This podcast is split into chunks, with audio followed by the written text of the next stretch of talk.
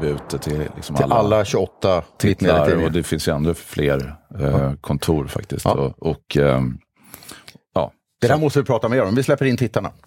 Oj, hörni, fönster mot medievärlden har blåst upp igen och vi ser fortsatt historiska förändringar för medier och journalistik. Eller vad säger ni om det här? Numera är det närmast vardag för svenska tidningar och medier att kinesiska regimen i form av ambassaden i Stockholm skickar ut så kallade anmärkningar på svensk journalistik. Den kinesiska offensiven mot svenska medier sticker ut internationellt. Varför är just Sverige i skottgluggen? Inga jämförelser i övrigt naturligtvis, men Sverigedemokraterna vill införa ett så kallat vetenskapsråd för att granska public service. Vad ligger bakom den här iven att kontrollera medier?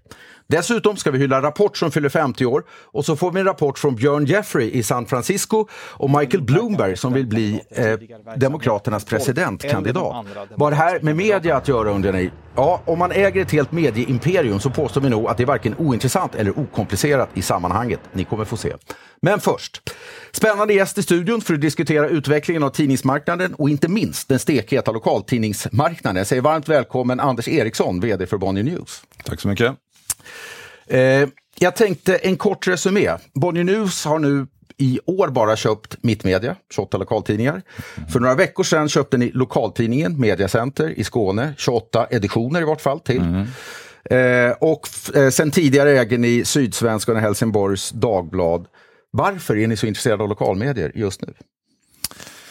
Vi ser dels att det finns ett behov av att konsolidera eh, tidningsmarknaden, nyhetsmarknaden i Sverige. Eh, och dels så ser vi att eh, lokal journalistik, eh, unik lokal journalistik eh, är viktigt och gör stor skillnad och, och vi vill vara aktiva i den, på den marknaden helt enkelt. Konsolideringen beror på, eh, behovet av konsolidering beror på vad? Det beror egentligen på att det ställer mycket högre krav nu på teknikinvesteringar, plattformar, olika typer av lösningar eh, för, att, eh, för att kunna leverera på alla, i alla kanaler eh, på det sättet som, som eh, läsarna förväntar sig. Och eh, då är det svårt att göra det och, och, och lyckas med det eh, som en mindre aktör. Och vad är det ni kan bidra med om man kopplar på hela Bonnier News liksom, moderskepp till, till Falukuriren som jag vet att du senare idag ska upp och hälsa på till exempel?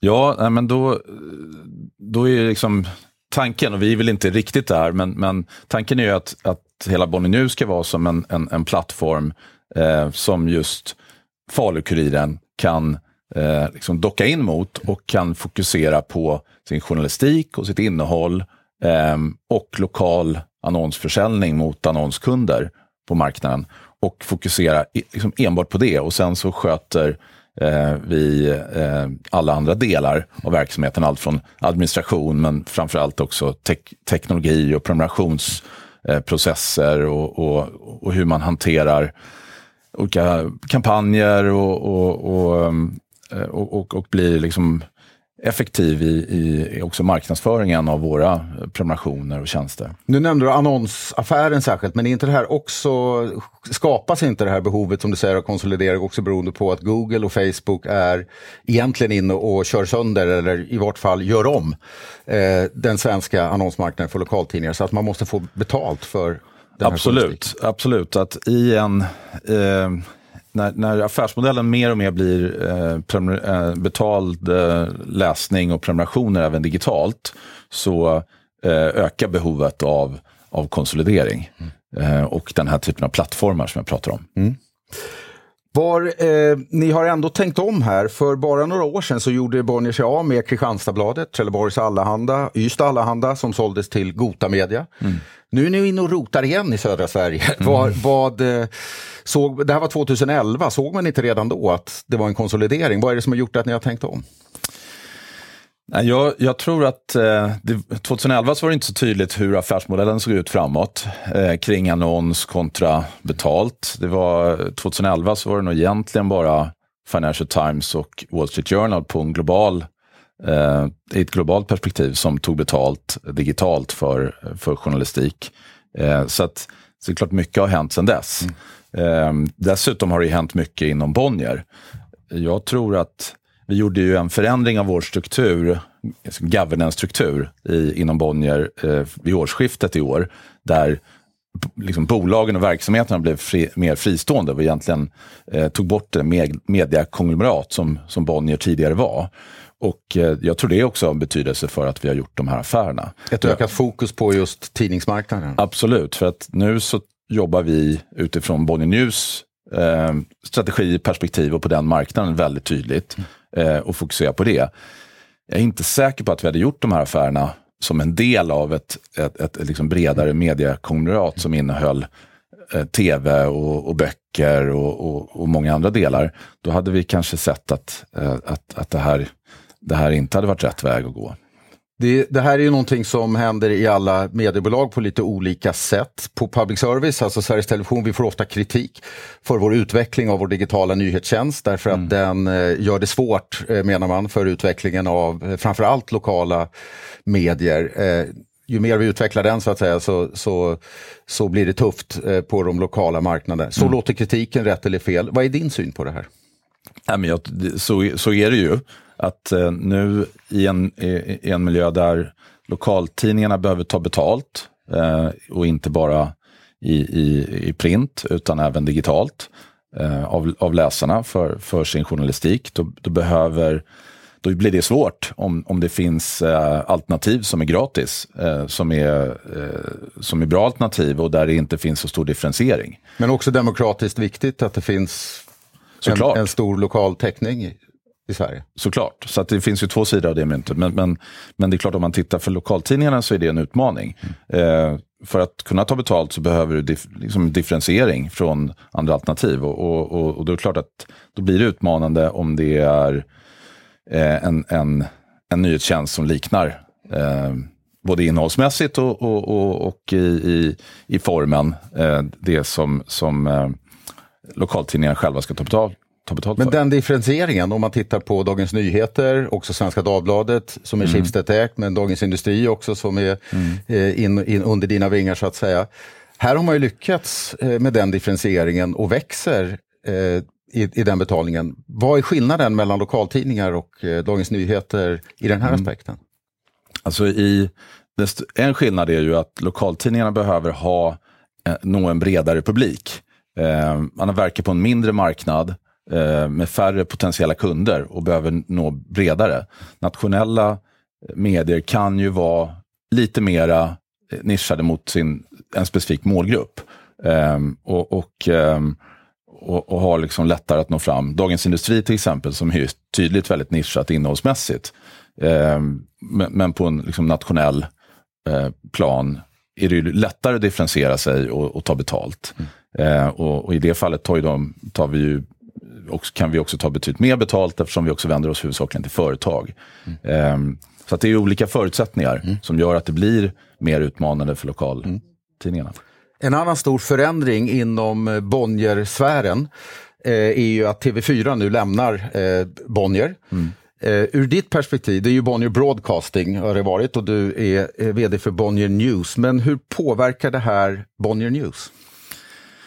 Ja, kanske inte så mycket som man skulle kunna tro. Eh, Bonnier Broadcasting har ju varit en framgångsrik verksamhet och har ju liksom bidragit mycket till, till Bonnier och Bonnier-koncernen.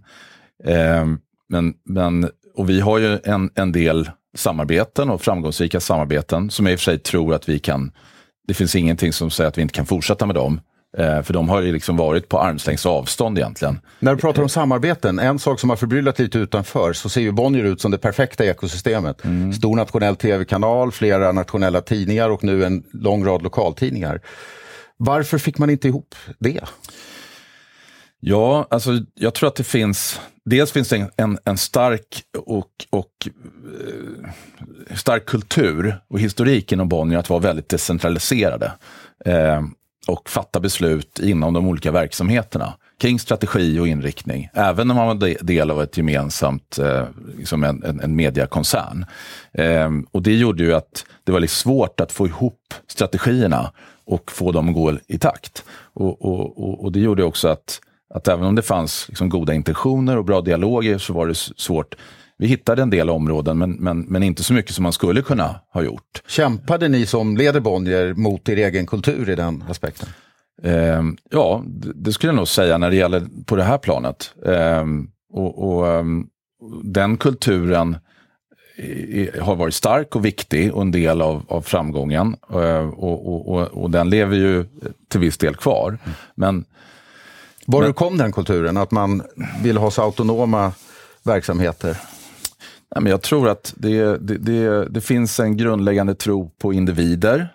Um, och, och att, um, um, att, att ge individer möjlighet att, uh, att publicera sig, att, att, uh, att verka och driva saker framåt. Och, och, och var det också en del av, om man ser historiskt, att Bonnier var så starka ägarmässigt så att man var noga med att inte så att säga, visa upp den styrkan genom att samarbeta allt för mycket? Ja, nej, men det tror jag att kan ha också varit en del, eh, såklart. Att, att, eh, och, och, och, låta verksamheterna arbeta autonomt för att också säkerställa att det inte fanns liksom, en toppstyrning eh, i, som, som, som också kunde bli ifrågasatt. Eh, så att, så att, eh, det är klart att det finns sådana delar också. Men det har ju varit eh, i viss mån utmanande när det gäller att, att få till den här liksom, mera, få ihop ekosystem och så vidare. Mm. Sen är det klart att vi har gjort saker tillsammans och samarbetat och, och, och, och gjort det framgångsrikt. Men, det gör ju, men det, den typen av samarbete som vi haft, de är inte så integrerade och nära så att så att man inte kan fortsätta med dem i, eh, i, eh, i, i, framtiden. Och samarbeten kommer ni att göra. Jag är säker på att du kommer svara på den här sista frågan. Vilket blir Bonnier News nästa förvärv? ja. det får vi ja, men ta chansen du, det här är fönstret ja. mot medievärlden. Ja, nej, men det, om jag visste det så skulle jag svarat på det. Okej, det är ett svar så gott som något. Tusen tack Anders Eriksson för att eh, du kom hit. Ja. Vi ska nu hörni, vidare till veckans medienyheter och de låter så här. Ungern kommer inte att ställa upp i Eurovision Song Contest 2020. Det rapporterar tidningen The Guardian. Orsaken uppges vara att tävlingen anses vara för homosexuell, som en regeringsvänlig tv-kommentator uttryckte det. Ledande partiet Fidesz är emot samkönade äktenskap och det har varit en allt mer homofobisk retorik i landet den senaste tiden, skriver QX. Ola Sigvardsson blir Sveriges första medieombudsman vid årsskiftet. Allmänhetens pressombudsman byter då namn till Allmänhetens medieombudsman. Alla typer av medier med ansvariga utgivare som är anslutna till det medieetiska systemet får då en gemensam medieombudsman. Nu kommer det bli enklare för de som känner sig illa behandlade, inte bara i pressen, eftersom de vet att de ska vända sig till ett och samma institut, säger Ola Sigvardsson till Kulturnyheterna. Tidningarna Östra Småland och Nyheterna läggs ner med omedelbar verkan. Gota Medias styrelseordförande Benny Olsson förklarar beslutet med en sviktande ekonomi. Idag har Östra Småland AB 14 fast anställda medarbetare, samtliga journalister plus tre vikarier som nu alla förlorar jobben. Östra Småland har funnits sedan 1928 och nyheterna sedan 1923. Statssponsrade hackare som spionerar på journalister och oliktänkande blir allt vanligare. Google har därför varnat runt 12 000 användare som utsatts av attacker från någon av de 270 hackergrupper man känner till som statssponsrade. Det rapporterar Computer Sweden. Enligt Google är det nätfiske som är den vanligaste metoden för att komma åt känslig information. Hela 90 procent av attackerna ska vara av just den typen. Östersundspostens grävande reporter Linda Hedenjung tilldelas årets Per Wendelpris av Expressen. Linda Hedenjung har arbetat på Östersundsposten i 15 års tid och har spelat en betydande roll i flera uppmärksammade granskningar, bland annat av Daniel Kindberg, Östersunds kommun och stadens fotbollsklubb ÖFK. I juryns motivering står att årets stipendiat har liknats vid en pitbullterrier som käkat taggtråd, vars idoga insatser slutligen manifesterats i det stora avslöjandet av skandalen kring finansiering av Östersunds FKs elitsatsning. Hörni, panelen är här och jag törs lova de är on fire den här veckan. Eh, kolla själva. Karin Pettersson, eh, Public Policy-chef för Schibsted. Välkommen. Tusen tack. Claes de Fer, du är publisher på Fokus men också tillträdande eh, chefredaktör på lokaltidningen Mitt i. Varmt välkommen också. Tack så mycket. Eh, vi kan väl börja med dig då eftersom vi har pratat lokaltidningar med Anders Eriksson. Mm. Du hörde intervjun, vad var dina reflektioner? Ja, men det jag tror Anders Eriksson är ordet han letar efter men inte riktigt vågar säga är Spotify. För det är den plattform, lik, plattformsliknande lösning Bonnier letar efter för de här förvärven. Det vill säga, är du boende i Fagersta och Fagersta-Posten numera Bonnier-ägt och så är du intresserad av sporten där. Samtidigt vill du osannolikt läsa modetipsen i Damernas Värld och få aktietips från privata affärer. Då ska den här plattformen kunna erbjuda det. Mm. Och så ska du nivåmässigt, tror jag i alla fall, kunna göra premiumprenumerationer på det här. Så att du ska kunna skapa ditt egna publicistiska universum signerat Bonnier. Och det är liksom Anders Erikssons vision just nu. Och ju mer han kan docka in i det, desto större kan det här eh, digitala samhället bli. Karin, Schibsted ligger ju inte efter. Ni har köpt Stampen, dånar på med eh, liknar strategierna. Känner du igen snacket?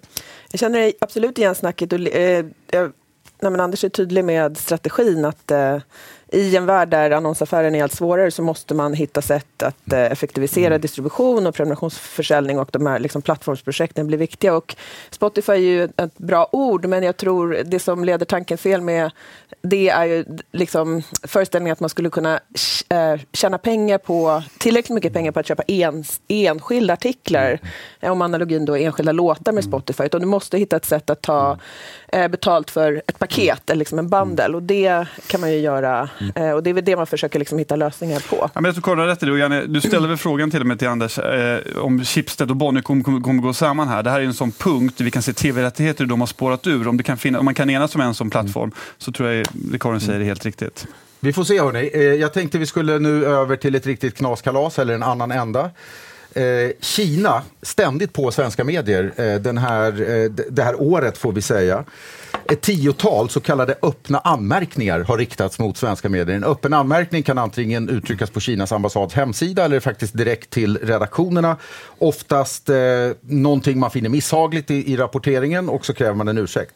Senast, krävde, eh, svensk, senast krävdes att svenska regeringen inte skulle få närvara när Svenska pennklubben delade ut årets eh, Tuschulski-pris till svenska förläggaren Gui Minhai. Kulturminister Amanda Lind gick naturligtvis dit ändå. Vad har ni tänkt ett medieperspektiv. Varför är kinesiska regimen så på svenska medier?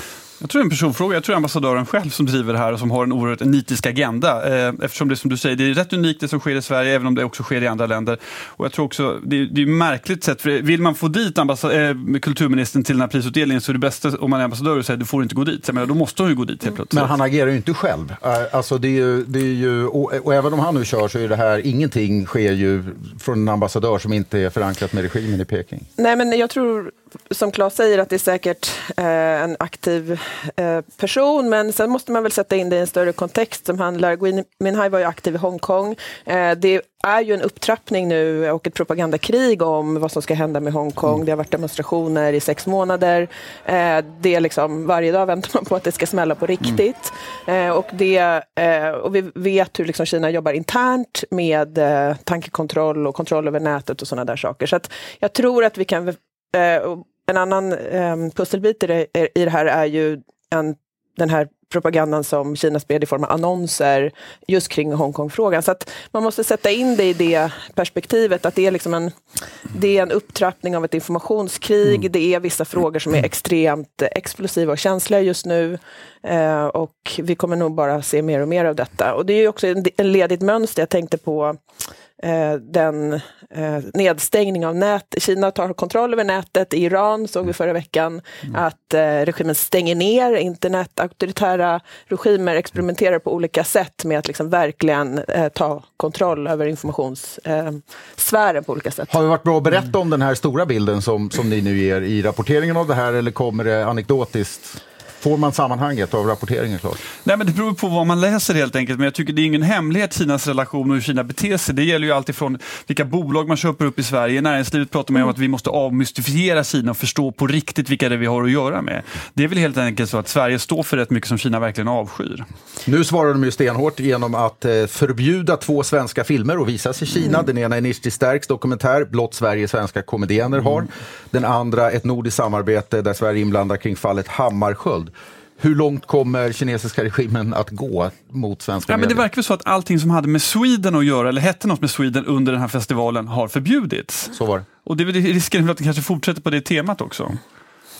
Vad, vad ska vi göra? Har vi anledning att vara oroliga? Nej, men jag tror man får vara beredd på att det kommer fortsätta och, och trappas upp. Eh, och det är ju intressant den här stora bilden. Jag har själv varit mycket i Bryssel det senaste året och när man träffar folk på EU-kommissionen till exempel så säger de, eh, de, de som är mest aktiva i Bryssel när det gäller lobbyn kring regelverk kring eh, till exempel 5G-utbyggnad såklart, eh, men också mm. plattformsreglering och sådana saker. Då är det amerikanerna och kineserna. Mm. Eh, så det är en spelplats för ehm, Ja, det är liksom stora, de stora globala eh, frågorna som står på spel här nu. Utrullning av ny infrastruktur i Europa, eh, men också ett informationskrig och, och också den här Hongkongfrågan. Och ligger... det verkar ju komma någon slags, vad ska jag säga, inga jämförelser i övrigt, men Sverigedemokraterna gick inför sina landsdagar ut med en debattartikel där man säger att man vill införa ett vetenskapligt råd för att granska public service. Det är också, igen, inga jämförelser i övrigt, men, men var, var ur denna iver att kontrollera medier? Nu har du sagt inga jämförelser i övrigt fyra gånger i det här programmet. tre. Om, ja, tre gånger. Det är för att stärka sakligheten i min fråga. Absolut. Men tycker du att, om vi vänder på det här, eh, om man, ska, om man vill prata om att granska public service som är ändå skattefinansierat, på vilket sätt ska man göra det utan att hamna fel? Jag säger inte att Sverigedemokraterna gör rätt, men jag är mer nyfiken på hur ni ser själva på granskningen av eh, Sveriges Television. Genom att föra den så långt från statlig och politisk kontroll som möjligt. Mm. Eh, Mediaombudsmannen som nu införs till exempel är ett steg. Att föra det här ur eh, granskningsnämnden som idag har detta till uppgift, eh, ska vi vara klara över, utses direkt av regeringen. Det är sex ledamöter som utses direkt av regeringen. Det enda kriteriet är att en av dem ska vara domare. Eh, det öppnar för, för i, i, ett tänkbart scenario. Jag tror att vi har haft så lång konsensus i Sverige så vi har aldrig tänkt på att det där är en riskkonstruktion. Men det är en riskkonstruktion. Jag tycker naturligtvis att den här vetenskapsidén är en bra sak. Jag tror inte eh, att Sverigedemokraterna, det är som du säger, de vill ju granska det för att se om man kan bitvis sträcka ner den här typen av fri, fria medier. Eh, men samtidigt tror jag att jag tycker Sveriges Television skulle ha mer självkritik i typen av det här forum och tala om så här, när, när trampar vi fel, när blir det vinklat på fel sätt och så vidare. Nej men jag tror att eh, som svar på din första fråga så, så ser vi ju... Eh, nej men det är den här kampen om eh, den nya liksom informations, hur informationsarkitekturen ser ut. Och där har man ju sett i land efter land eh, runt om i världen att eh, auktoritära krafter lägger allt mer tid och energi och, eh, på att försöka på olika sätt ta kontrollen över informationslandskapet. Och det är en, inte bara liksom en en sidoverksamhet utan ofta en helt central mm. utgångspunkt både politiskt och taktiskt och strategiskt för den här typen av rörelser. Och Sverigedemokraterna har ju själva sagt, eh, ledande företrädare, att de är inspirerade av vad som har skett i Ungern och Polen och så vidare. Men det låter Men, bra, vetenskapligt råd. Ja, det låter väldigt bra. Eh, och problemet här, problematiken är ju just... Vad är problemet, är min fråga. Nej, men problematiken är att um, där att man, den här innehållsgranskningen, det är ju per definition en, en motsats mot eh, det fria och oberoende. Men för att tillägga någonting, jag tyckte du och Anders var inne på en intressant diskussion tidigare, att om du ska garantera eh, mångfald och frihet på den svenska mediemarknaden så behöver du många aktörer. Då räcker det inte med eh, public service-bolagen och där finns det ett stort problem idag där public service-bolagen blir allt mer dominerade, inte minst på de lokala mm. marknaderna. Och exakt, och det, SVT har en dominant eh, en position som är helt ohotad på ett sätt. Och det tänker jag också här, då, då är det Fast dels... vi har ju inte en dominant position i, i lokalmedielandskapet. Nej, men finansieringsmässigt menar jag, ni kan göra de här projekten. Och sen så, eh, ta bara så här, Melodifestivalen, vad heter den, Slag, Melodifestivalen, mm. Mello. När det kommer igen, ytterligare ett kommersiellt eh, evenemang som man skulle kunna ifrågasätta, varför är det på, på public service? Har du något bra svar på den frågan? Lång historia. Eh, det är ett Så EBU. då är det per definition rätt? Jag skulle säga, nej men det är, ett, det är ju ett sext, bokstavligen ett 60 år gammalt programformat utvecklat ja. ur EBU. Det är ett, ett väldigt eh, speciellt format som jag tycker också har starka public service-inslag i sig hela tiden. Och hur mycket sponsorpengar får du ta in på det här i år? Eh, det vet jag inte på, Hur mycket hoppas du? på rak arm, men vi har in, det, är, det är ingen hemlighet att det, det sker en sponsring i samband med eventen. Men det är en hemlighet hur mycket det är. Det, det kan jag hålla med Claes om att det borde... Det är diskussioner som borde föras och jag tror också när SVT hamnar det, är, de här... det, det går att uh, läsa ut. Jo, men det här programmet skulle ägnas mer åt den typen av SVTs gråzoner mm. för att visa läsarna, eller tittarna och publiken och politikerna så här, att det finns en sån här eh, självkritisk diskussion. Mm. Det tror jag man skulle må bra av istället för att liksom eh, stöta bort kritik kritik. Direkt. Jag håller med om det. Får jag säga en sak bara? Ehm, jag håller med om det som Claes säger. Däremot så håller jag inte med om det där du började, där du säger att public service är, står ohotad. Vi har sett bara de senaste veckorna en liksom, politisk offensiv riktad mot eh, public service som, är, som vi inte har sett i Sverige på decennier från liksom, ledande stora partier. Och jag är jätterädd för eh, liksom ett eventuellt kulturkrig kring public service. Det är jag enig i också. Men det, absolut. alla har i sådana fall ett ansvar för att se till att det inte eh, ja, blir så. Och då, måste, ja, då, då håller jag med dig. Och då måste också en public service-bolagen kliva in i eh, de diskussioner som är rimliga och relevanta med, eh, med transparens och Nej, ödmjukhet. men det är som Karin säger, public service har väl aldrig varit så hotad som det är nu. Och det är klart att den diskussionen är, blir ännu mer angelägen. Jag älskar att prata ta om public service, Ja. vi ska gärna fortsätta Du har ju eh, ett om helt det. program om och, eh, jag, Du är här varje dag. Eh, och jag ska, jag ska, på riktigt så pågår det nu också diskussioner, inte minst med anledning av sändningstillståndet och relationer till lokalmedia och sådär. Det kan jag lova att vi kommer att återkomma till. Jag tänkte vi skulle eh, runda in på ett annat område som är intressant, kanske i lyset på det här, eller så bara, bara ett försök att göra en brygga som inte finns. Eh, men eh, i helgen så eh, gick Sverige möts eh, av stapeln, som man säger. Eh, det vill säga 8000 personer hade ansökt om att vara med, 4000 matchades. Det blev ett tusental möten eh, av detta. Det har diskuterats. Säg Eh, vad det är för någonting. Det är ett, ett format? det eller? är ett, ett eh, format som kommer från tyska tidningen Die Zeit eh, som utgår ifrån det faktum att allt mer forskning visar på att vi lever i en tid som polariserar frågor.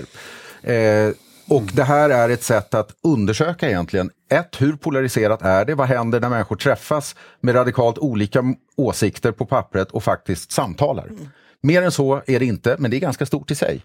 Vi gör också det här, och det var min poäng dit jag skulle komma, att vi följer också det här med en programutvecklingsteam för att se hur kan man utveckla opinionsjournalistiken. Så jag tänkte vi skulle ta avstamp i det. Ni är båda bevandrade i detta område. Och jag tycker det är intressant med det här som fond. Var, hur mår opinionsjournalistiken i Sverige idag? Ja, det är, jag har ju själv jobbat eh, som opinionsjournalist på Aftonbladets ledarredaktion och det, jag tycker det har skett en väldigt intressant utveckling om man också ska försöka vara liksom självkritisk och reflektera lite över det här. Klädsamt. Det är liksom ja, falsk ödmjukhet. Nej, jag ska göra mitt bästa. Så såg vi ju, om vi säger för tio år sedan ungefär, att eh, det fanns en stor eh, risk, och vi hade ju de här diskussionerna på Aftonbladet, att det, liksom, det fanns en fråga som var ungefär så här, kommer ledarsidan överhuvudtaget att överleva i det nya digitala medielandskapet? Vem kommer läsa en ledarsida om man liksom tittar på en hemsida på internet? Eh, och var finns platsen och så vidare. Sen kom sociala medier, visade sig att det här engagerande, känslor, liksom, tunga Det var lite materialet. Det var lite tvärtom. Det passade väldigt väl. Nu tycker jag att det känns som att man har nått liksom, vägs ände också med den utvecklingen. Att det finns en trötthet eh, från många människor när det gäller det här eh, optimerade, liksom känslooptimerade innehållet. Eh, I varje fall känner jag så själv. Och frågan är då vad som kommer sen, så att säga, i den här tröttheten kring det upptrissade, det polariserade, det liksom känslooptimerade. Och det är jätteintressant att se eh, vad, vad som kommer ur det. Sen tror jag problemet är också att hel, det är inte bara opinionsjournalistiken, utan också journalistiken i sig har ju präglats av eh, det här, den här logiken. Så att det är en större diskussion. Claes? Det är en bra sammanfattning Karin. Jag tror att det är precis som du säger och det är väl också anledningen till att ni försöker experimentera med de här nya formerna. Jag såg att det, det här programmet hade fått en viss eh, kritik då för att det kunde vara, jag vet inte exakt vad kritikerna skrev, att det kunde vara farligt att föra samman folk med olika åsikter. Att det, Det kunde, var inte så de skrev. Nej, utan, Nej, men att det är inte då, det är inte farligt i sig att folk har starkt ol- liksom Målet ska inte vara för journalistiken att folk ska komma jag vill, överens. jag vill Ja. höra Claes därför Ja, att, förlåt. därför att du Men var inne på ett spår här. Men det var ju tydligen fel spår enligt Karin. Det är farligt om man möts och inte har exakt samma åsikter. Spontant vill jag bara säga att jag tycker den här loggan Sverige möts måste ju Sverigedemokraterna älska. Det ser precis ut som deras landsdagar eller något sånt. Alltså det är o- oerhört spot on. Eh, jag tror att det är bra att folk möts. Jag tror att det är bra att man tar initiativ att folk möts. Om jag ska vara ärlig så vet jag inte vad det leder till. Alltså så här, folk möts ju digitalt på Twitter. Fysiska möten är naturligtvis bra. Det ska bli spännande att se vad det blir för typ av tv-produktion av det här sen. Men ett, antagligen ett lovvärt initiativ. Det får vi ju se, men det handlar ju om att utveckla det. Det, det jag tycker är intressant är diskrepansen, därför att det är sant att det kritiserades. Ja, som Karin sa, mer att så här, det är viktigt att inte ena människor, man måste få tycka olika. Det har aldrig varit syftet med Sverige möts. Men det är väl en bra Men diskrepansen service- mellan lovebombningen från publiken Ja. och den här tyckar... Eh, jag skulle aldrig säga tyckareliten, men tyckar, eh, människor som har som jobb att producera åsikter Ingen i jämförelse i media övrigt, var, men- var nästan total. Nej, men jag ser det också som en självkritik från ert håll för att eh, de opinionsformat som ni har, har och haft eh, har, ju själv, har ju som, eh, vad heter det, opinion... eh, Live. live är ju liksom en perfekt, eh, apropå liksom känslooptimerad, eh, liksom sociala medier optimerad produkt. Så att jag förstår att ni vill komma ur det och hitta någonting annat. Historiskt är det sant att försöka utmana den dramaturgin. Sen menar jag, igår sände vi från en bensinmack i Ånge där människor stod och samtalade om sågverket som Ah, ja. har lagts ner i Mm, såg Opinion Live. det. Det, är liksom, det finns många schatteringar i detta. Eh, Men eh, Claes, du får, du får sista ordet. Var är opinionsjournalistiken eh, framåt? Jag, jag vet att Karin vill ha den, men du får Nej, den. men det är mycket bättre att Karin svarar på den frågan som har en vettig åsikt om det. Jag tror att det är ett sökande alltid, men det är ju klart att folk är intresserade av åsikter, man är intresserade av känslor. Och folk är mer och mer intresserade av att eh, förmedla sina egna åsikter och känslor. Det är det som, den, den så att säga, förvåningen som möttes när man tänkte digitala, kommer folk läsa ledarsidor, kommer man läsa åsikter? Eh, Karin, du har antagligen ett mycket mer begåvat svar på den här frågan. Nej, jag är själv väldigt sökande, sökande i det här nu, men jag tror att det, det som folk och jag själv känner till slut blir tråkigt, det är att det, det, det är en känsla av att det är optimerat, så man undrar igen, liksom, vad är det egentligen? Liksom, var är ärligheten? Var är tvivlet? Var är eh, liksom letandet efter de Det var- riktigt svåra frågorna? Jag, jag, jag konstaterar, hörni, vi måste sluta tyvärr, men jag konstaterar att eh, Får jag säga en jätteviktig sak innan bara? Ja, det får du. Det jag tror är Sista viktigt, ordet. det jag tror är viktigt att tänka på, det, det. det är vad man får tycka och inte tycka i den här åsiktskorridoren, hur det kommer att utvecklas. Alltså så att vi kommer ifrån situationen att vi ska missförstå varandras åsikter för att själv ta egna poänger för att komma vidare. Det önskar man ju med lite stora ord att vi, vi kunde hitta en form för det folk verkligen vågar Om lyssna. vi lyckas hitta en form där man alltid bemöter sin motståndares bästa argument, så har vi kommit någonstans. Var Verkligen. inte det tjusigt? Det var bra ja. Karin rynkar på sig. Du får Nej, komma tillbaka nej, om nej. detta. Hörrni, det nu så. Ja. ska vi... Tusen tack för att ni kom hit. Nu ska vi till USA och vi ska till Björn Jeffrey som kommer att reflektera lite över att mediemagnaten Michael Bloomberg ger sig in i matchen om Demokraternas presidentkandidat. Det är en bra medievinkel, kolla här. Det man pratar om i Silicon Valley den här Thanksgiving-veckan är Michael Bloomberg. Han är den senaste i en lång rad av hoppfulla demokratiska presidentkandidater. Men att kandidera som president samtidigt som man äger en mängd medieprodukter har visat sig vara lite komplicerat. och ställer en mängd olika frågor om ägarinverkan på journalistik. Men låt oss ta ett steg tillbaka först. Michael Bloomberg är en miljardär som blev rik på att sälja nyheter och information till finansbranschen. Han äger idag bland annat en tv-kanal, eh, tidskriften Bloomberg Business Week samt det här nätverket av affärsinformation som gjorde honom förmögen från början. Men Bloomberg är inte bara medieentreprenör. Han har även en bakgrund inom politiken. 2001, precis efter 9-11, blev han republikansk borgmästare i New York efter en kampanj som han själv finansierade. Det här gjorde att han kunde kringgå regelverket kring politisk annonsering och spenderade totalt fem gånger så mycket som sina motståndare. Detta gjorde att han vann även sin återvalskampanj 2005 och 2009. I söndags bekräftade då Michael Bloomberg sin presidentkampanj, något som det viskats om en längre tid. Samtidigt gjorde hans nyhetstjänst det lite anmärkningsvärda utlåtandet att de inte skulle journalistiskt undersöka varken Bloomberg själv eller de andra demokratiska kandidaterna. Denna riktlinje skulle då gälla alla 2700 journalister och analytiker som jobbar inom Bloombergs verksamheter.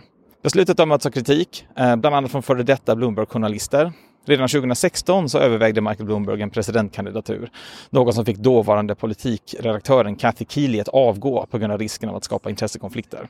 Den här gången har det blivit ännu mer invecklat eftersom flera av Bloombergs redaktörer då kommer att lämna sin nyhetsbevakning och istället jobba för hans politiska kampanj. Allt detta väcker frågan om vilken inverkan presidentkandidaters tidigare verksamhet eh, påverkar deras kampanj och deras tänkbart framtida jobb. I synnerhet när det gäller medieägare. Men oavsett intern bevakning så kommer Bloombergs kampanj att märkas. Under sin första vecka kommer att han att han spendera 30 miljoner dollar på tv-annonser. Mer än alla de andra kampanjerna sammanlagt. Tack för den rapporten Björn Jeffrey. Nu hörni så ska vi hylla en 50-åring.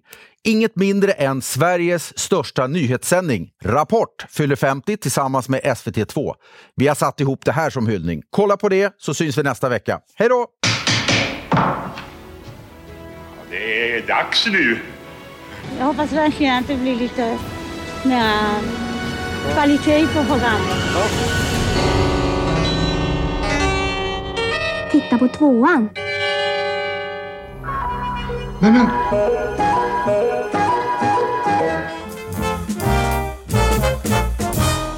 Nystart för Rapports egen valbarometer.